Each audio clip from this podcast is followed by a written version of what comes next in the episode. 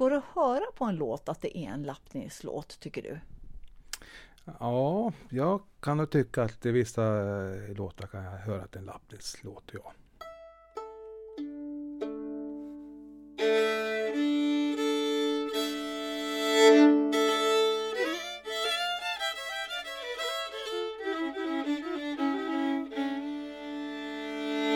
Lappnilspodden. Till exempel den här signaturen vi lyssnar på nu är ju en väldigt typisk lapptils eh, eh, dänga kan man säga. Det, man startar oftast, det är oftast en triolpolska. Eh, vilket då skiljer, skiljer sig mot sextondelspolska. För att förklara det så är det triol, det är tre det är toner på en takt. Eh, ett slag menar jag. Och då låter det så här. Dudli, dudli, dudli. Det är en takt. Och hela låten går som en triolunderdelning så det låter oftast jam da dilla didli dum da dilla didli dam da da och så vidare. Istället för sextondels polska som går eh, daga digga digga daga digga daga daga daga daga daga. Ja. Oftast upplever jag också att eh, man, man pratar om lappispolska så har man dels det triolpolskan som är tydliga. Sen finns det också att man, man eh, det finns en svars-idé eh, med låten. Att man börjar kanske uppe på, på E-strängen och spelar ungefär jam da dulla dun da dille dille da och så svarar man jom ba dulla dulla dulle dig. Så ungefär va. Det kan man tycka, det är en ganska typisk lappbilsvariant. Mm. Det, det, det, är ju många som har, har försökt sig på att karaktärisera eh, Lappnils låtar. Bland annat med, på, på sådana sätt som du, som du nämner här. Men jag, jag, jag hittade, alltså vi har ju haft vi har haft två böcker eh, som, som väldigt bra underlag när vi har, när vi har liksom, läst på om Lappnils inför de här poddarna. Och, och, då är det ju dels den lilla tunn, lite tunnare boken som heter kort och gott Lappnils av Ragnar Boman som kom 1963. Och sen så den stora tunga tjocka boken av Ville Römke som kom 1994 och som heter På spelmansfärd med Lappnils. Eh, som jag har framför mig här nu. Och, eh, där, där finns det ju ett av många citat är ju då av Karl Tirén som, som ju var eh, en, eh, en av de som upptecknade mycket, mycket folkmusik på sin tid. Och han gjorde ett porträtt av Lappnils i, på tyska i Die Lappische Volksmusik. Eh, och, och då skrev han, eh, översatt till svenska, att eh, det, det, är ett sätt att beskriva Lappnils musik som är kanske det främsta är det är inte ärtor som rullar på ett fat eller tomten som dansar på strängarna. Det är eldkol som dansar ringdans i spisen på en marknad i Oviken. Vad säger du om det? Ja, det är tjusigt. Fanta ja, han är fantastiskt skrivet. Karl Thyrén kan man nämna också. Det är han som är mest känd för att göra de här fantastiska inspelningarna av jojkarna. Ja. Eh, början av 1900-talet. Så han gjorde en otrolig gärning där. Eh, tyvärr fick han inte spela in Lappils. Han var ju död redan då. Tänk, det hade varit något ja, va? Visst. Ja, eller hur?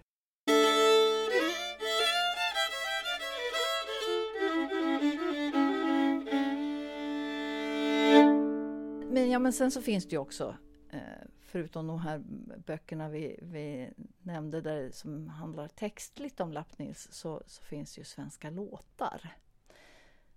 Och det är ju eh, spelmansbibeln kan man säga. Ja, man kan säga att det är kanske gamla testamentet här då.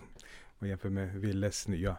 Eh, ja, men det här är eh, fantastiska böcker som gjordes då början av 1900-talet. Och det var den här eran då, det, då, var, de skulle försöka rädda den svenska folkmusiken. Bland annat var det Olof Andersson och sen var det Nils Andersson, kanske främst Nils här, som, som eh, åkte runt i land och rike och tecknade ner eh, låtar och eh, hade kontakt med olika människor. Här i Jämtland så hade han kontakt med en som hette Erik Olsson, Ecke Olsson. Och han hjälpte honom. Ecke skrev brev och visade vilka spelmän som fanns tillgängliga idag. Och så åkte han upp hit och, med sin flöjt faktiskt. En liten flöjt och så täckte han ner på ett papper. Eh, och det är väl, jag kommer inte ihåg om det är 800 låt, låtar tror jag i de här böckerna. Så det är ju ett, ett, eh, för mig känner jag också att det, det är en, en, en, fantastisk bok på det viset att man kan, man kan märka vilka som är lappnespolskor. sådär, lite liksom att det finns tradition, eh, varianter på många av låtarna. Många av de här spelmännen spelar samma låtar. Så det var ju, ja, det var ju inte folkmusik på den tiden, utan det var ju populärmusik kan man säga. Eh, och de populäraste låtarna spelades av alla. Och eh, man, då kan man jämföra många låtar och märka att det, det skiljer sig och det, det, det är likheter men det är också mycket som skiljer sig. Men alltså, eh, Nils Andersson, han, han var ju en men man. det var inte helt lätt tyckte han. Eh, det, det finns ett fantastiskt citat där i, i, i Svenska låtar om hur det är att, att teckna ner de här låtarna. Inskjutna och borttappade taktdelar förorsakar ofta oregelbundenheter i jämtpolskorna och vållar ofta stort huvudbry vid uppteckningen av detsamma. Det gör en många gång betänkt på att avstå från taktuppdelningen av dylika polskor eller och att låta så beskaffade takter stå kvar med sitt oriktiga antal taktdelar. För låtens njutbarhet i musikaliskt hänseende och dess användbarhet till dansen har dessa oregelbundenheter egendomligt nog icke någon nämnvärd betydelse. Nej. Alltså, det, det, han säger är egentligen att eh, det, det här är jättesvårt att, att, få in på ett notblad, men, men det funkar. Jo, men jag förstår honom, för det är ju så här att mycket av de här, de här äldre polskarna har, man är, vi är ju van idag, även då, med att man har kanske åtta takters låtar så. Här är vissa takter är elva takter och så är B-delen tio takter och sådär. Och i vissa fall så, så hoppar man över den första eh, åttondelen så det blir en paus och, och så man stampar i luften på badi badam bada. Så. Eh, så, jag, så jag märker det. Jag har märkt också, det är ganska kul, nu har ju de släppt originalmanuskripterna på Nils Anderssons nedteckningar. Uppteckningar, heter det ner uppteckningar? ja, men det kan vi ta en annan podd på det. Eh, och där kan man se liksom att, att, ibland så har han inte skrivit in taktsträcken. Jag var med om en sån där eh, tydlig grej när jag lärde ut en låt som jag hade lärt mig. Jag hade säkert lärt mig den via noter och sen liksom, som jag minns den lärde ut den efter Isak, Isaksa. Och sen när vi spelade den för alla så var det många som kom fram och sa ja men du har lärt ut den fel. Jaha, det, ja det ska ju ettan är här liksom. Jaha, så gick jag hem och kollade svenska låtar så hittade jag den. Och det stämmer, jag liksom, ja, men för mig lät det konstigt. Och så då gick jag in och kollade på originalmanuskripten då, som finns då på nätet. Och eh, det visade att ja, den här låten hittade jag, men det fanns inga taktstreck utan ett, typ frågetecken. Så, så Nils har ju själv inte fattat var, vart det är. Och sen om jag gör rätt eller om någon annan gör rätt, det vet inte jag. Men det är intressant att tolkningen blir olika. Och jag har den framför mig, ska jag visa lite grann hur det kan, hur det kan ha låtit? Ja, gör det. Eh, som det står i noten nu, så står det så här då. Då är det som en liten en, en, eh, en, en upptakt, alltså innan ettan slår. Så låter det så här.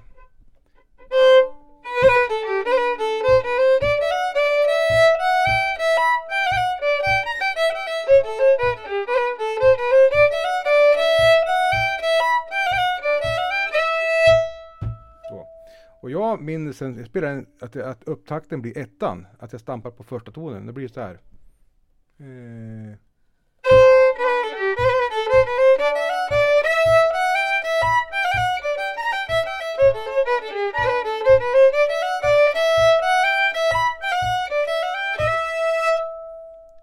Så där ser man skillnaden liksom. Och det där är ju jättesvårt idag att veta. Hur, hur var det nu då? Men eh, man får liksom eh, göra som man vill tycker jag. Jag tänkte just säga det, är det viktigt? Nej, det är inte viktigt, men det är intressant.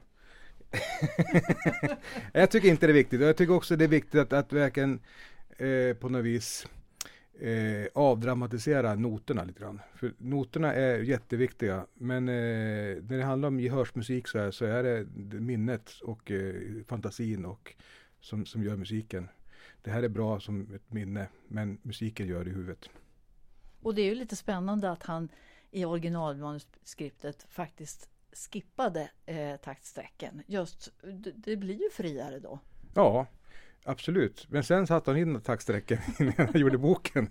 Så då blir det ju så. Men ja, jag, jag upplevde det på flera låtar. Så det, jag förstår att han hade svårt. Det fanns väl någon redaktör som tyckte att så här kan vi inte ha det. Nej, precis. Ja. Så är det. um, det, det, för övrigt så, så, så, läste jag någonstans att det är en väldig massa av, av de här låtarna som, som i Jämtlandsdelen av Svenska låtar men även i Medelpadsdelen som, som det står att de är efter Lappnils. Ja, och i Hälsinglandsdelen finns det också några stycken. Jo, men han var ju en eh, vandrande, han åkte ju runt Lappnils. Så, och eh, jag vet, i Hälsingland var han ju mycket, Ångermanland och sådär. Så det, ja, ja men eh, sen tror jag också att när de här böckerna skrevs eh, eh på början av 1900-talet där så, så var det ju en, en det var ju en romantisk tid, liksom, nationalromantisk tid och man ville verkligen lyfta fram våra storheter och, och Lappnäs var en av dem. Va? Så jag tror också, det, jag har inget belägg för det här riktigt, men jag tror också att många eh, sa säkert att det var Lappnäs-låtar för att få liksom komma upp lite i, i fokus. Eh, det kanske inte behövde vara Lappnäs-låtar, men, men eh, ja, så kan det vara. Mm. Och då står det att det är av Lappnils kanske. Eh, alltså annars så, så i, i folkmusiksammanhang så använder man ju annars väldigt ofta det här ordet efter. Eh, och, och det, det, ska väl syfta då på att, att den personen har spelat den, antingen för mig eller för den som jag lärde mig av. Mm. Det, det, där varierar väl lite grann. Eh, för att hur, hur, hur, ja. har jag en lappningslåt en lappningsnåt efter Kjell-Erik Eriksson. Eller, eh, ja. Mm, det där är jätteintressant. Eh, jag kan för jag tycker det också är en ganska fin grej att säga att man har en låt efter. Eh, men det är också väldigt konstigt om jag säger att jag har en låt efter Lappnils. För han, han är ju, jag träffar ju alla han va. Eh, däremot kan jag säga att jag har en Lappnilspolska efter Lasse Sulin. Eller Lappnilspolska efter Rickard Neslin. Så, då blir det mer tydligt liksom. Men det är också väldigt vanligt att man skriver. Men sen är det svårt om jag har en låt efter Isak Isaksa från Svenska låtar. Då har jag ju låten efter Isak Isaksa egentligen. Eller, eller... Eftersom du har lärt dig den i nothäftet? Ja, ja. då borde det vara efter.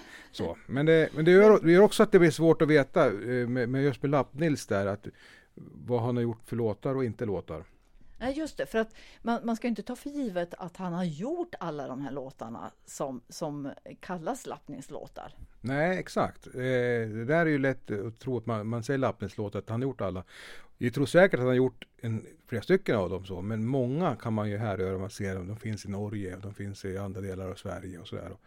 Eh, så han har som idag helt enkelt. Jag tror inte det är någon större skillnad mot för folkmusiker idag. Att vi, vi lär oss låtar av folk vi träffar och folk vi tycker om och låtar vi tycker om. Det tar vi åt oss. Men sen gjorde han säkert en del låtar. Men det är tyvärr vet vi inte. Stim fanns ju inte upp då. men du, um, om vi återgår till det här med, med liksom vad som kännetecknar. Mm. Ja, men jag, jag, tänkte på en grej här nu, vi pratade också om det här med, med hur låtarna är. Så, eh, många av de här polskorna som vi har efter Lappnils eh, är ju också de är väldigt svåra att sätta, sätta ackord på. Det finns inga tydliga ackordföljder liksom, utan det, många brukar tänka att det är ungefär som en fjällbäck, att man startar, en, man startar den på fjället, sen åker man ner för fjället liksom och så händer det saker, det kommer en liten, det blir ett litet stup där och så blir en liten, stannar upp där, det blir en virvel där och så fort. Så det blir liksom en, det finns inga färdiga formler, alltså mönster, utan de, en, en lång resa. Eh, vad var frågan? ja, nej, var frågan, frågan. Men det, det, var, det var det här med, med, med att, att många har, har karaktäriserat hans låtar som att, att, att, han tog inspiration av naturen, brukar jag ha sagt. Ja. Jo, men det, så har flera som säger. Och, och det, det tror jag säkert, det gör man väl på ett sätt. Men jag tror också att det finns lite av den romantiska man vill gärna tro att, det är, att man sätter sig på en stubbe och så får man en inspiration direkt. Utan jag tror att det är på samma sätt då som det är idag. Att, att man, man kanske får jobba lite grann för låten och sådär. Eh, men däremot, jag tror säkert att jag, man får inspiration av, av intryck. Och, det, och är man mycket i naturen så är det klart, då är ju där intrycket det. Eh, ja, mm. så då. Men det, mm, Ja precis, det är en tid då man också, nationalromantisk musik, det är mycket så att det ska låta som, som någonting ur naturen och att man, man ska kunna. Ja. Mm. Men, men eh, det, det, det, finns också ett, ett fint eh, citat i, i Wille Römkes bok eh, där det är en eh, sonen till en, en av eh, Lappnis lärjungar tror jag. Ja, det är Munter-Johan. Han, han eh, lärde sig inte direkt av Lappnis, men han hörde ju Lappnis när han var liten har jag förstått. Och det är hans son som, Ja. som har berättat. Och nu, får du, nu, nu ska du få läsa lite på Ja, jämska. det? Okej, ja. ja, det här är han som skriver här då. Står det så. Lappnich var till Horsjöbottnan en samer och flucke must för att säla mörskill. Det var två bustorskar där som flucke musta dem och vägen till Säljsjön går bort till en bäck som kallas Järvdalsbäcken. Och när hen kom en liten lappnik så stanen och vilt. För den var bra och tom kaggan. Det var ljuft och bratt där. Så det låter lustigt till Betja. Så lappnik tog fram fiol och komponerade en vals. Han kallade Järvdalsbäckvalsen. Ja, kortfattad sammanfattning. Han var alltså ute och plockade hjortron och kom fram till en bäck. Eh, och blev inspirerad av bäckens läten för att skriva den här valsen. Ja, precis. Det finns, finns ju fler berättelser om det här med, med naturläten. Eh, Ja, men alltså Olle Falk då, en, en, en av mina favoritspelmän. Han, han brukar säga att en Lappnich, han begagnar sig av all sorters lätan. Och att han lärde sig låtar ifrån berätta, Olle Falk. Ja men Olle Falk, ja, Olle Falk är ju en sån där spelman. Han är född på eh, slutet av 80-talet, 88 här för mig, 1888. Ifrån Fördal. Eh, han och hans bror Ante började spela tidigt, fick fioler av sin far. Eh, och blev som ungdomar då fick de ta lära av en skomakare i grannbyn Ede. Eh, och han, skomakarens farbror hette Kalle Hammarberg och han var Lappnils-elev så det, där är väl kopplingen. Eh, och de här två bröderna de, de fick eh, eh, lära sig låtar och hänga med på, spelman, eh, på danser och så. Och eh, på 70-talet, 60-talet där någon som för, för 60, då, då, då blev Olle Falk väldigt uppmärksammad tack vare Olle eh, Brojort, konstnären i Uppsala. Sen fick höra Olle Falk och blev helt stormförtjust va? för han tyckte han påminner väldigt mycket om sitt, sitt eget måleri. Så han bjöd ner Olle Falk till Uppsala och sådär. Och, och, eh, och, och brors son Ole började spela in honom och han blev väldigt... Och, och det här steg väl Olle Falk lite åt huvudet tror jag för han tyckte att han var den främsta lappnistolkaren av dem alla. Eh, och han var fenomenal och han, och han också hade en egen, en, eget sound. Han hade en, en fiol som han, som han eh, gjorde om lite grann så han tog bort greppbrädan och så lite en, en en metallbit från en gammal en plåt. Metall är det väl. Och eh, även eh, F-hålen gjorde han mycket större och, och han tog bort det extra trä i, i greppbrädan. Eh, och så stallet, stallet som är, strängarna ligger på är helt flackt rakt sådär. Så det låter nästan, nästan som en harpliknande eh, instrument. Otroligt fint. Eh, ja, så han finns väldigt mycket inspelad och jag har lyssnat väldigt mycket på honom. Och det finns en låt faktiskt där som han, som han spelar som han kallar för Buthouse-låten. Och där berättar han att eh, vi har en inspelning med honom där. där han berättar att Lappnis då hörde en Buthouse. Alltså en eh, fäbodjänta för Ja, oss som inte jämtar. Exakt. Eh, och eh, han eh, hör när Buthausen sjunga. Och eh, han komponerar en låt. Nu kommer en hund in här. Hej hej små. Och han blir så inspirerad den här, den här eh, Lappnis så han gör en polska på det också. Och det blir Buthouse-låt. Eh, Du har, du har ett polsk eller en låt som är som med locktoner till. Kommer du ihåg det? Utlandslåten? Ja, just det. Ja, precis vad jag kom på. Ja. Det är roligt här.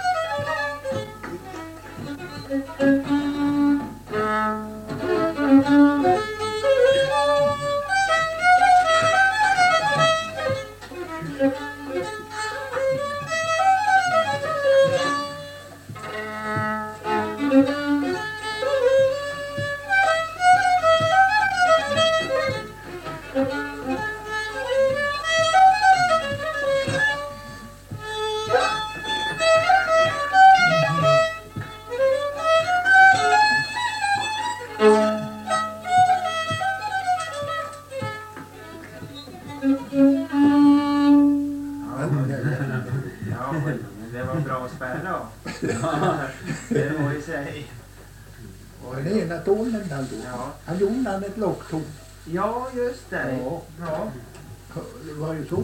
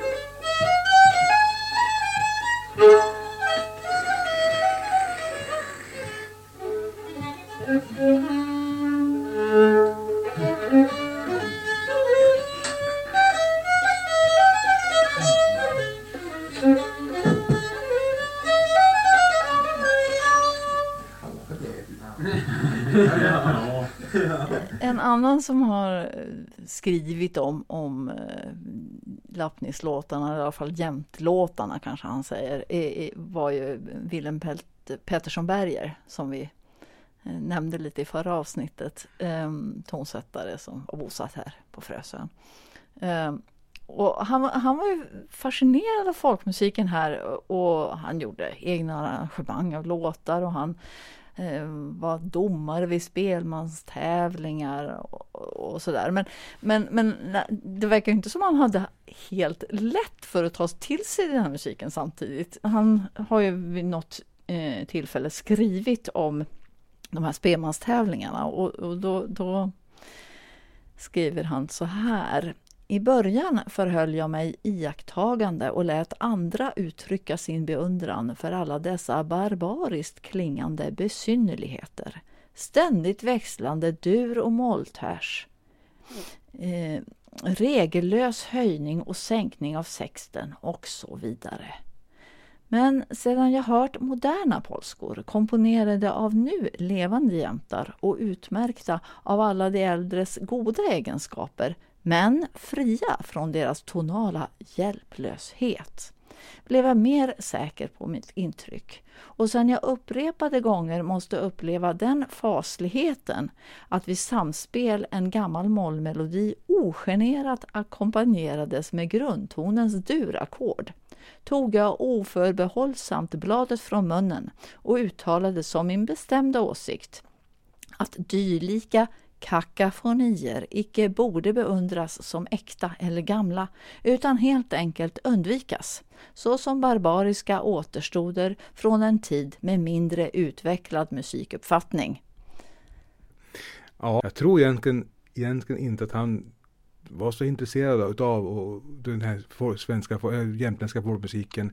Men att det i tidens tand, att tidens, mm, när det var det här det romantiska och, och med, många av hans kollegor började skriva om, om folkmusik och han jag tror att han, eh, han, han testade att gå in i världen och skrev. Så han gjorde den här notsamlingen då med, med eller notsamling, han, han hade 20 stycken polskor som han tonsatte eh, med andra, andra stämmer helt enkelt. För att han vet liksom att det är på modet att, att, eh, att använda sig av folkliga uttryck i olika i konstnärliga sammanhang. Ja, det är vad jag tror. Jag tror det är så faktiskt. Det är, för jag får ingen känsla att han, han vurmar så himla mycket för folkmusiken. Det märker man i hans text här också. Eh, Men han gjorde ju ett tappert försök där att göra nå- någonting av det, för han visste att det var lite populärt. Det är min teori, men så tror jag det var. Och, och de här jämtpolska, alltså du har faktiskt spelat in dem. Ja, det var för några år sedan så var det PB-jubileum och då gjorde jag och en spelkompis som heter Peter Ros eh, några konserter då där vi spelade de här låtarna, 20 låtarna. Med, eh, Eh, och då bör nämnas att vi, vi, vi gjorde ju lite mer folkmusikalisk så vi spelade ju med, med ett, ett musikaliskt sväng så vi skulle kunna dansa då.